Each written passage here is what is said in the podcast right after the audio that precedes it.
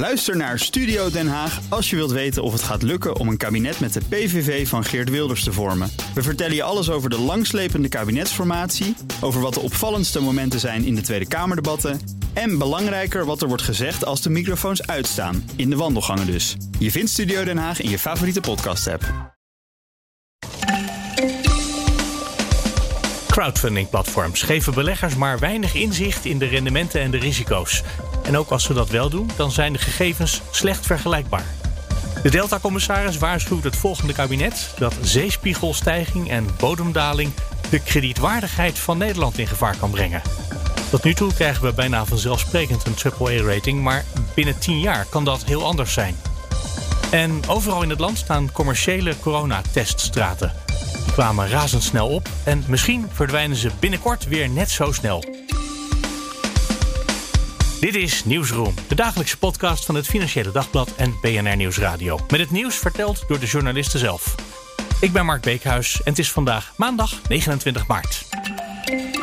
Hallo Frits Konijn van het Financieel Dagblad. Goedemorgen Mark. We gaan het hebben over crowdfunding platforms. Ehm, die, eh, die zijn populair geworden in de laatste jaren. Mhm. Maar het is niet per se dat ze hele duidelijke informatie geven aan de beleggers. Hè? Daar hebben jullie, zijn die ingedoken. Waar heb je naar gekeken? Nou, we hebben bijvoorbeeld gekeken naar eh, hoe de rendementen eh, vermeld worden. En nou, dan blijkt dat eh, de bruto rendementen die zijn meestal heel erg goed te vinden. Maar als je dan vervolgens kijkt naar de kosten om bij de netto rendementen te komen, ja, dan wordt het dan een stuk ingewikkelder. En bovendien, iedereen die berekent die dingen ook op een verschillende manier, zodat ja, de transparantie, het overzicht, dat is heel erg moeilijk te vinden. Zijn daar geen regels voor? Ik bedoel, als je naar een bank gaat, dan weten ze, gaat het toch altijd op dezelfde manier? Eh, hoe dat soort rendementen en kosten in kaart gebracht worden? Nee, niet tot nauwelijks. De, ehm, de, de, de AFM, de, de toezichthouder, die, uh, kijk, het is, een vrij, het is een vrij nieuwe sector natuurlijk. Uh, die nog niet zo heel lang bestaat. En de AFM die had altijd als uitgangspunt van ja, zo'n nieuwe sector die moet je niet al te veel dichtdrukken met, met allerhande regels dat moet ook een beetje spontaan eh, kunnen groeien. Uh, ja, is natuurlijk ook wat voor te zeggen, maar eh, nou ja, daar, daar zit ook duidelijk een keerzijde aan. Want als je nu naar een van die grote platforms gaat, is het dan voor een eenvoudige leek zoals ik zelf te doen om te weten waar ik aan toe ben, waar ik, uh, waar ik instap? het, hangt heel erg, het hangt heel erg af van welk platform je neemt. Ja. Uh, en, en hoe ervaren je bent als belegger. Uh, ja, niet zo heel erg, want uh, bij het FD mogen we niet zoveel. Dat is mij bekend. Maar dat je. ja, dan, dan, dan valt het niet mee om op de juiste pagina's terecht te komen. En ook niet alles staat vermeld overigens. Oh, sommige zijn ook echt incompleet. Ja, naar ons idee wel. Ja, ja, dan, ja precies. Er zijn geen regels hele, voor, maar om het, om het rendement van het hele platform, om het succes van het platform eh, te meten, zou het toch wel handig zijn als uh, alle rendementen bij elkaar waren opgeteld, uh, bijvoorbeeld. En dat je dus een ah, totaal overzicht krijgt. Nou, dat is, dat is een zeldzaamheid. Bovendien, uh, in deze tijd zit je natuurlijk ook te wachten op ehm, de berichtgeving over corona. Van wat voor invloed heeft corona nou op die beleggingen? Nou, er is dan vaak nog wel een paragraaf opgenomen, maar de bedrijven in, de, bij sommige bedrijven of op sommige platforms loopt uh, de achterstand op, van betalingen op tot zo'n 10% van, uh, van het totaal. Oh, dus dan beloofden ze je eerst 8% rendement of zoiets en daar gaat dan 10% af? Nou, 10% van die 8%. Dat gaat er nog niet van af, maar dat, dat zijn achterstanden. Ja. Dus dat gaat er nog niet per definitie van af. Maar ja, dat, dat is risico zit er wel in. Ja. Over risico's trouwens, zijn ze daar helder over? Over welke risico's er zijn, uh, aan welke kanten die allemaal kunnen zitten? Nou, nee, dat vind ik niet. Ik vind ze. ze nou, we, we, hebben bijvoorbeeld één voorbeeld. En dat is dan iemand die een pand koopt en dat vervolgens op wil splitsen. En uh, ja, weet je, dat. dat, dat de, de, de, de, rode vlaggen die wapperen uitbundig, uh, zal ik maar even zeggen. maar die worden niet benoemd in de tekst? Nee, die worden niet benoemd in de tekst. Nee, die, die, dan wil hij bijvoorbeeld, hij wil uh, daar uh, eh, 6000 euro huur per maand mee uh, gaan ophalen. Ja, als je kijkt naar, naar huren in de, om, in de buurt daarvan, ja, dan, dan ben je, voor dat bedrag kun je dubbel zoveel ruimte huren. Dus ja, dat voelt allemaal een beetje raar. Bovendien, die investeerder die dat geld wil ophalen, die is alleen met zijn voornaam genoemd. Oh, echt waar? Voelt ook niet echt lekker. Mag, kan dat zomaar? Nee, ik, ik zou toch, ja, misschien ben ik heel naïef, maar ik zou denken, misschien zijn er geen wetten speciaal voor uh, crowdfunding platforms, maar dat je weet met wie je zaken doet, dat is toch wel een soort ondergrens. Ja, dat ben ik helemaal met je eens. Dat gaan ze ook in de toekomst doen hoor, trouwens. Want er komt nieuwe Europese regelgeving aan en daarin is het wel verplicht om in ieder geval ook de achternaam te noemen van iemand. Maar wij hebben er goed naar gekeken, naar dat voorbeeld. En dan blijkt dat hij uh, al zes andere dingen heeft uh, gefinancierd via dat platform. Ja, dat staat niet in het voorstel opgenomen. Ja, dat is toch wel informatie die ik zou willen hebben als, uh, als ja, belegger. En, en hoe het de vorige keren liep met die, met die projecten. Bijvoorbeeld, ja. Ja, als je nou ziet dat inderdaad die 6000 euro nu onrealistisch hoog lijkt. Maar alle vorige projecties kwamen allemaal uit. dat geeft vertrouwen. Ja, maar, maar het kan ook dus anders niet. zijn. Dat nee, nee, nee, dus nu niet. Maar dat zou je dus willen weten. Maar dat zou zo'n platform toch ook moeten willen faciliteren. Heb je, jullie zullen ook vast met verschillende van die platforms gesproken hebben. Hoe, eh, hoe reageren die? Vinden die het een logische aanklacht? Dat het te weinig transparant, te weinig informatie is? Mm, Nou, we, we hebben bijvoorbeeld gesproken met de voorzitter van eh, ja, een soort branchevereniging. Mhm. En die erkent wel dat er het nodige mis is. Die zou ook eigenlijk graag willen dat er eh, meer ehm, de, regels eh, van de AFM eh, komen. Of, of om naar eenduidigheid van de, rendement, van de rendementsberekeningen te komen, bijvoorbeeld. Ja. Maar die vindt er wel dat we het heel zwaar aanzetten, geloof ik. Als ik hem goed interpreteer. Ja. Terwijl als ik in jullie artikel lees wat de Vereniging van Effectenbezitters ervan denkt. Die hebben het over sterrenwichelarij soms. Ja. dat is het andere uiterste. Ja, nou ja, dat, dat is precies eigenlijk ons punt, eh, benadrukken zij. Van ehm, ja, hoe, hoe, hoe, dat, hoe de waarderingen tot stand komen, dat, dat is vaak een raadsel. Dat zegt die Wouter Wijand ook van eh Providence. Dat, dat family office, dat is toch ook echt een gerenommeerde belegger. Ook van ja, hoe die rente tot stand komt, die rentevergoedingen. Gooit maar, ja, nou om het even vrij te vertalen, gooit maar in mijn pet. Ik, ik, ik, ik zie het niet. En ik ook Oh. niet. Ik bedoel, er, zijn geen, eh, er worden geen methodes van, van dit en dit en dit telt. Dus eh, dat, daarom zijn we uitgekomen op een rente van dat percentage. En is het de ondernemer zelf die gewoon een getal in kan tikken en die kan denken, nou ik vind in dit geval 6% Nee, dat is- vind ik wel genoeg. Nee? Nee, nee, Oh, het is wel het platform is- wat daar nou, ik, het eh, platform, dat, ik denk dat dat in overleg gaat. Ah, dat zou nog kunnen, ja. Dit is natuurlijk een markt, dat zei je net al, die heel hard aan het groeien is. Hoewel, er staat een grafiekje bij het artikel. Het afgelopen jaar, Ja, dat is niet. corona. Dat is corona. Maar als je kijkt naar de afgelopen vijf jaar, dan zie je, dan groeit het van iets van 128 of zo naar, eh, naar die 420. Ja, dus dat is eh, ruim drie keer zoveel. Ja. Dus dat is echt, eh, het heeft de afgelopen jaren een vlucht genomen. Daar hebben jullie in de krant natuurlijk ook veel over geschreven. Dat het aan het eh, stijgen was omdat banken steeds moeilijker zijn als het gaat om kleinere leningen. Dat is Dus één deze- kant van het verhaal. De andere kant van het verhaal is dat er natuurlijk heel veel geld in de markt is. Ook dat? Ja. Dus dat, dat wel, en, en, en kijk, bij een bank haal je geen rendement meer. Nee. En je zou dus denken, dit soort platforms die hebben in ieder geval echt een functie. Daar is een vraag naar. Ja. Moeten alleen nog eventjes hun beleggers een beetje tegen zichzelf beschermen. Nou, ik denk dat je dat goed samenvat. Ik, dat, dat is ook mijn idee inderdaad. Van, ik, ik denk dat er wel degelijk een functie is voor dit soort platforms. Maar ja, een beetje eenduidigheid, weet je. Van ga eventjes de, ja, de rendementsberekeningen bijvoorbeeld op dezelfde manier. Breng de risico's op dezelfde manier in kaart. Eh, probeer een methode te vinden om de, om de rente, de hoogte van de rente inzichtelijk te maken. Ja, bij de traditionele lening is het voor een deel ook andersom. Hè? Daar is het allemaal zo gestandardiseerd dat je de rente ziet en dan weet je wat het risico moet zijn, grofweg. Ja, En dat, dat is hier nog helemaal niet aan de hand. Nou ja, grofweg wel natuurlijk. Ik bedoel, het zal ook niet helemaal eh, toevallig tot stand zijn gekomen. Maar ik weet het niet weten. Weet je, dat is Nee. het probleem. We weten het niet. En als belegger zou ik dat toch wel graag willen weten. Van wat, wat, wat speelt hier nou? Wat, eh, ik zou bijvoorbeeld graag, en die worden ook lang niet overal geboden, taxatierapporten zien bij vastgoedprojecten. Dit is ook zo eentje waarvan je denkt, je weet de naam aan wie je geld leent, natuurlijk, maar dat is niet zo. Maar een taxatierapport, wat je voor elke hypotheek gewoon meteen Nou ja, nodig hebt. wat, wat, wat, blijkt, daar zitten de platforms ook wel een beetje lullig hoor, eerlijk gezegd. Want die, eh, eh, die mogen die dingen vanwege eh, auteursrechten niet publiceren. Maar die kun je dan wel, tenminste bij dat ene platform, kon je die wel weer opvragen.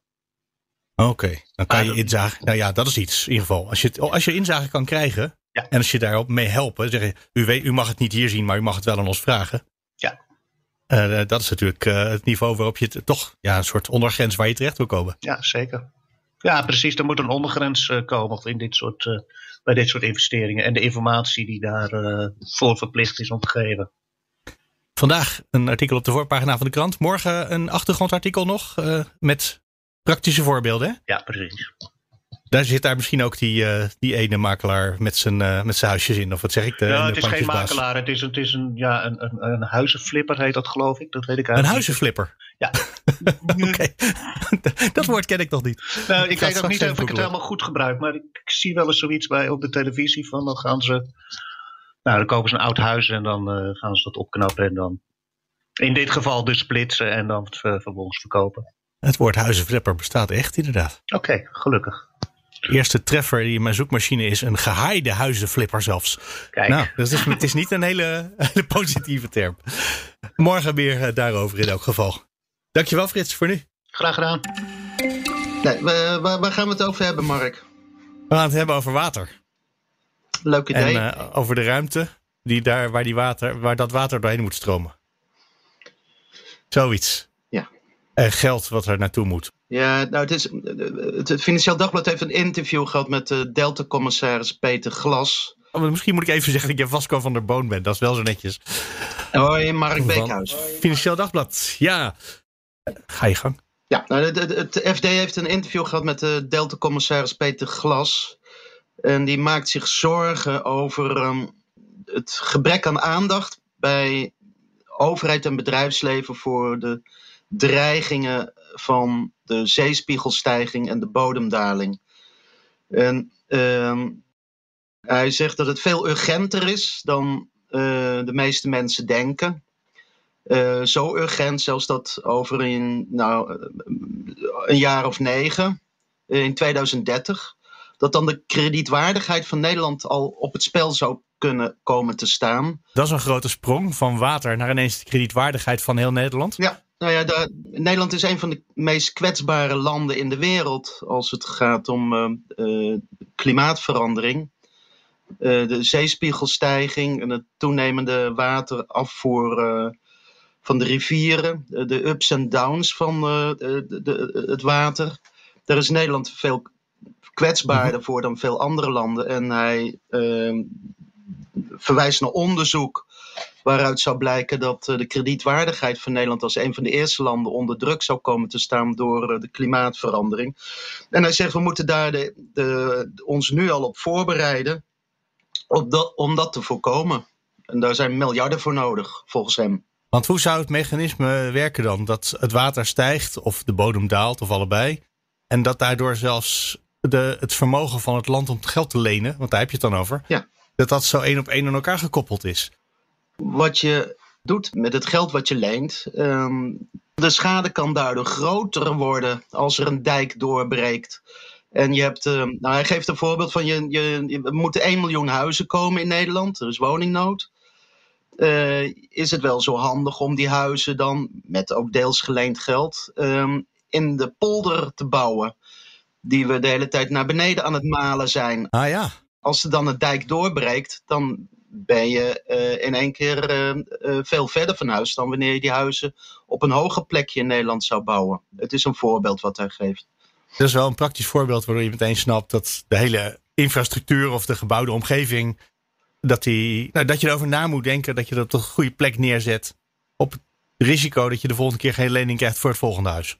Ja, en het lijkt erg uh, nog, nogal wiedes, om nogal logisch om daarover na te denken.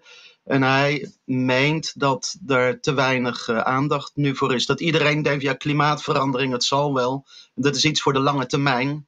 En wat ik ook interessant in het interview vind, is dat hij, uh, hij zegt, ja, we, we moeten van het geld wat we gebruiken voor klimaat, um, een groot deel van het geld moet je niet meer gebruiken om uh, klimaatverandering tegen te gaan. Want die klimaatverandering is er al. En uh, ga nu maar uh, een groot deel van je geld gebruiken om je maar aan te passen aan uh, nou ja, de onvermijdelijke situatie dat het klimaat is veranderd.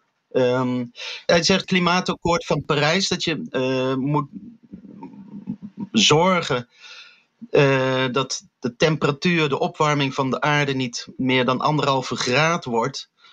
Ja, daar zitten we eigenlijk al uh, zo'n beetje bij uh, aan, aan dat niveau, zegt hij. Dus ga, ga je maar voorbereiden op wat er dan gebeurt. Als je niks doet, dan zou de schade voor Nederland zo 70 miljard tot 170 miljard euro kunnen zijn. Serieus? Dus als je dat wil voorkomen, kan je wel wat geld uitgeven. Kost gaat voor de baat uit, ja. En hij komt natuurlijk niet voor niks nu met deze oproep. Ja, daar kan je cynisch over zijn. Er, er wordt een nieuw kabinet geformeerd. Dat, dit is het moment om je uh, eisen, je wensen op tafel te leggen. Misschien zelfs nog iets te vroeg hè, met wat gedoe met de verkenners. Maar uh, ja. dit is wel de periode dat je uh, je, je wensenlijstje op tafel moet leggen. Ja. ja, het was geen verkiezingsonderwerp. Helemaal niet zelfs. zou dit wel een onderwerp zijn waar de, de mensen die gaan formeren de, waarvan die doorhebben dat dat echt zo urgent is als de Delta-commissaris zegt? Dat kan ik niet inschatten. Uh, je, je, kan, uh, je kan er ook cynisch over zijn en vrezen dat er misschien eerst een, uh, een noodsituatie moet zijn voordat er eh, wordt ingegrepen. Dat hebben we gezien met de watersnoodramp in Zeeland 70 jaar geleden. Uh, er moet eerst echt iets ergs gebeuren voordat uh, de deltawerken werden, voordat het besluit van de deltawerken werd genomen.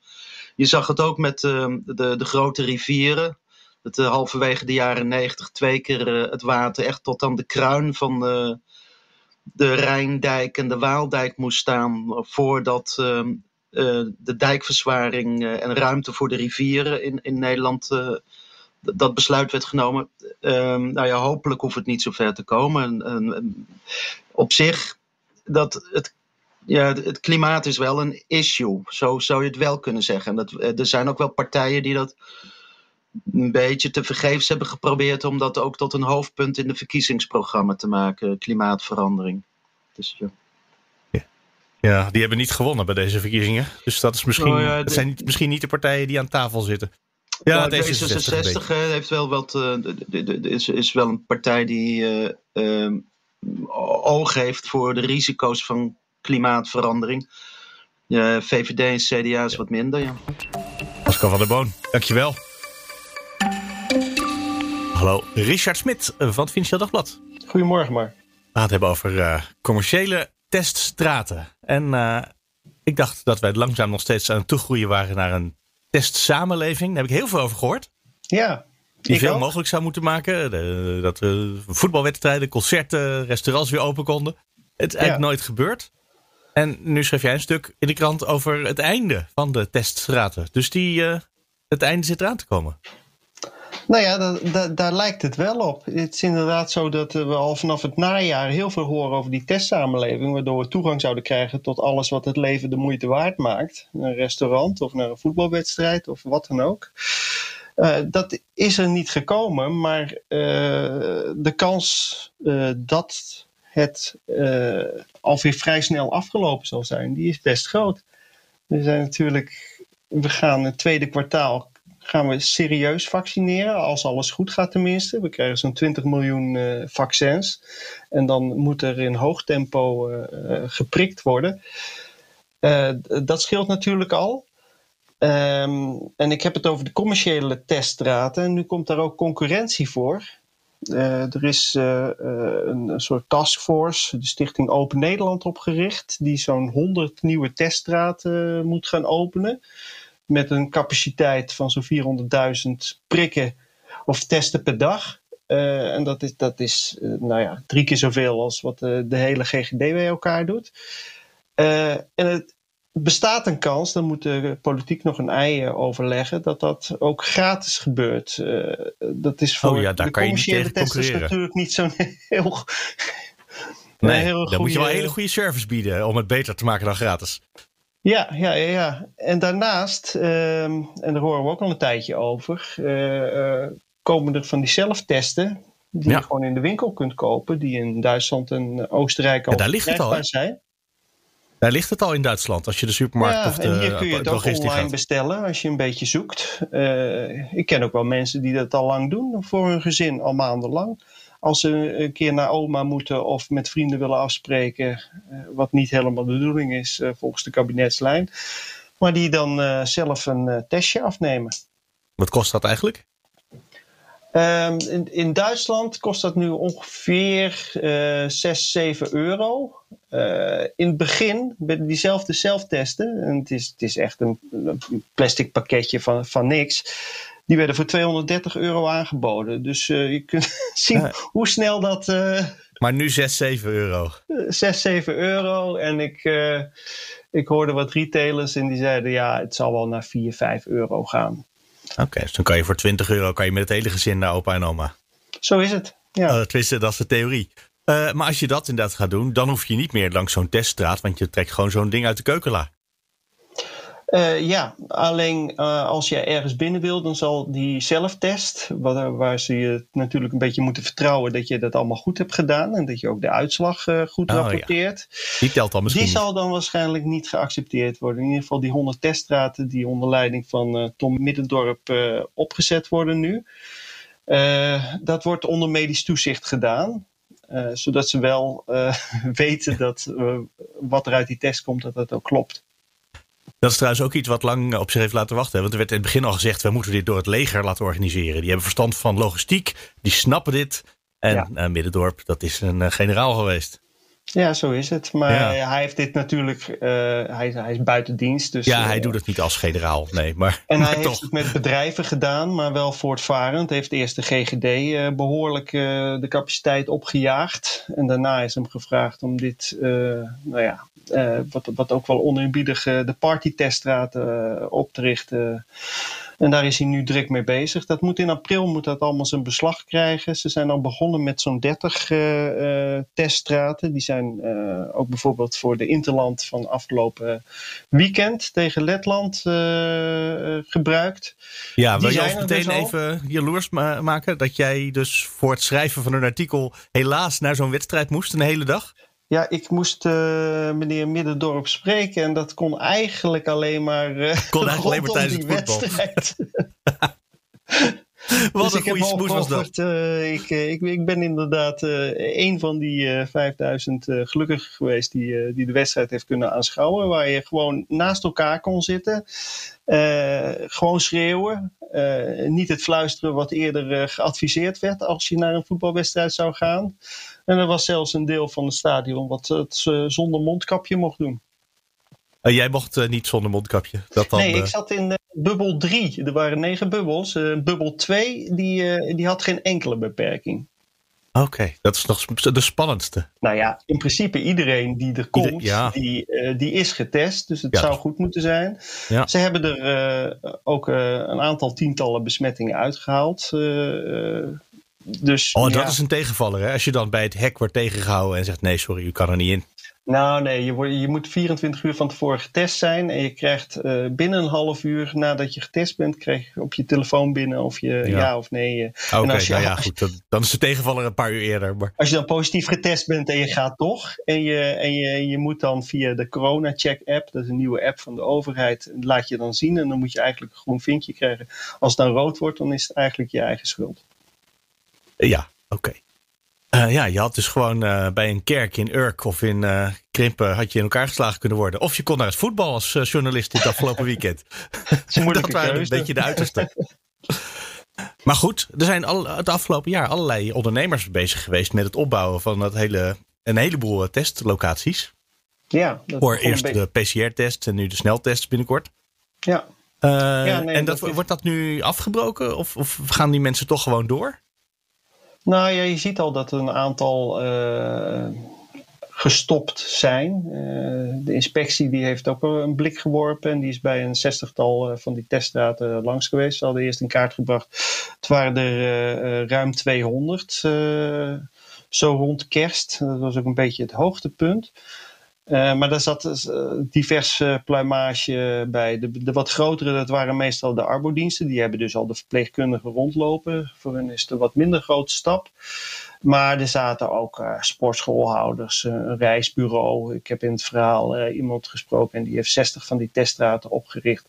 Maar die zat in de rondvaartboten. Nou, daar was niet zo bar veel meer in te doen nou ja, dan maar, uh, dan maar dit. En dat, en dat uh, kan kennelijk gewoon. Als je rondvaartboten hebt, dat je zegt, nou, maar dan kan ik altijd wel PCR-testen gaan doen. ja, nul medische kennis, maar uh, wel een beetje verstand van hoe je iets moet opschalen. En die medische kennis huur je dan in. En dan, dan lukt dat ook. En maar die ja, gaat dan nu weer afschalen als straks de boten weer terugkomen. Ja, ja, ja. Nou ja, maar goed, zij, zij houden er dus wel rekening mee. En ik, sprak ook een ondernemer en die zegt: Ja, ik maak wel even pas op zijn plaats. Die heeft een stuk of tien teststraten. Ik, ik, ik, ik, ik weet niet uh, wat het allemaal gaat worden met die zelftesten. En uh, de overheid die gaat ook van alles doen. En misschien dat je bij de GGD straks ook zonder symptomen getest kan worden, wat, wat ze nu nog niet willen. Laat ik maar niet uh, al die financiële verplichtingen aangaan, huurcontracten van locaties, et cetera. E-, even pas op de plaats. Eh, we weten niet wat het gaat worden. Even onzeker, maar goed. Dat, uh, nou, dat is het voor iedereen natuurlijk. Want het uh, zou zomaar kunnen zijn dat als die vaccinatie echt op gang komt, met die miljoenen die eraan zitten te komen, dat we straks niet meer hoeven te testen, omdat je gewoon weet hoe je ervoor staat. Ja, nee, dat zou mooi zijn. Ik, uh, ik help het je hopen. Kijk, niemand, niemand hoopt natuurlijk dat we in een soort continue testsamenleving terechtkomen. want je hebt nu wel die, eh, die sneltesten die een stuk minder gebruiksonvriendelijk zijn. Uh, ik ben bij Picnic geweest en die testen al hun uh, medewerkers op wekelijkse basis bij de distributiecentra. Maar die doen dat met een test waar je niet die grote lange wattenstaaf achter in je neus krijgt, wat, wat enorm prikkelt en waar je tranen van krijgt. Maar die doen dat met, een, met een zelftestje waar je gewoon een, een klein beetje met de wattenstaaf je voor in de neus. Hetzelfde als neuspeuteren. Uh, en oh, dat, kunnen we allemaal. dat stop je dan gewoon zelf in zo'n uh, in zo'n buisje met testvloeistof. Uh, dat is prima te doen. Het lijkt me ook als je elke week zo'n zo'n diepe test zou moeten doen. Wat ze dus kennelijk een tijdje deden. dat er mensen misschien wel afhaken. Denken nou, beter van niet.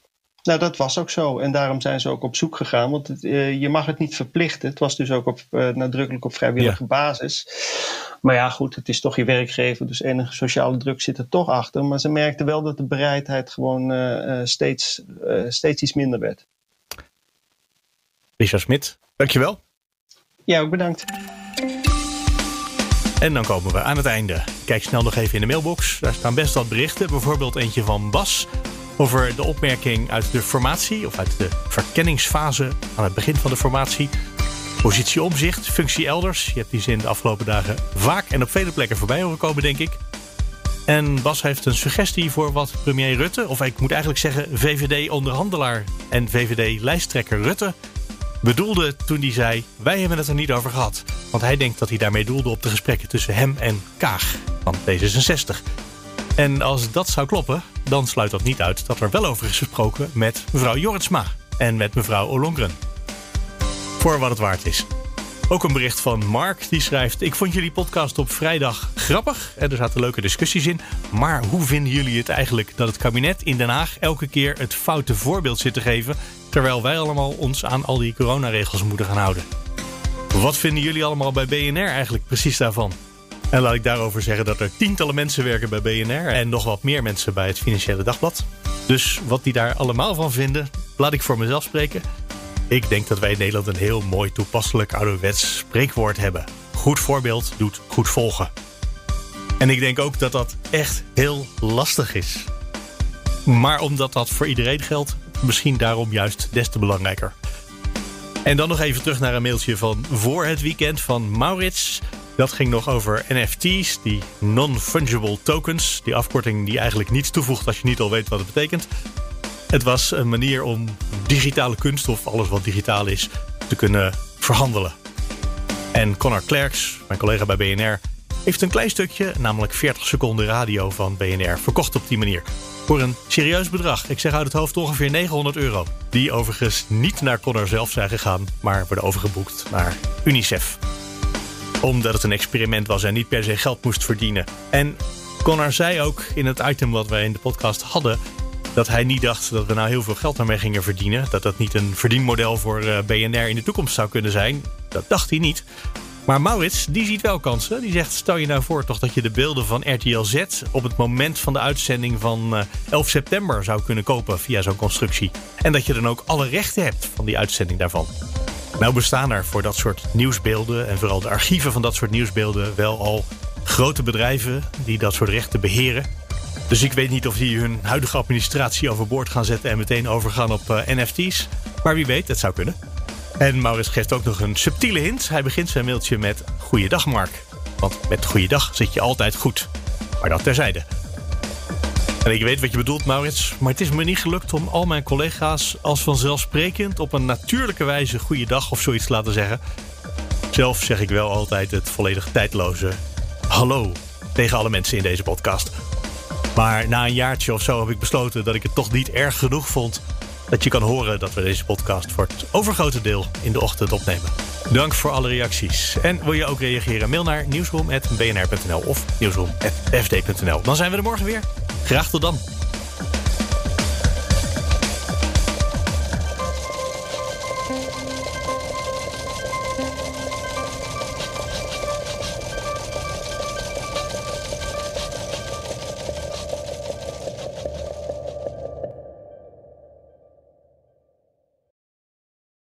Ook Hugo Reitsma vind je in de BNR-app. Superhandig die BNR-app. Je kunt alle programma's live luisteren, breaking nieuwsmeldingen. Je blijft op de hoogte van het laatste zakelijke nieuws. En je vindt er alle BNR-podcasts, waaronder natuurlijk de belangrijkste, Boeken zijn in de wijk. Download nu de gratis BNR-app en blijf scherp.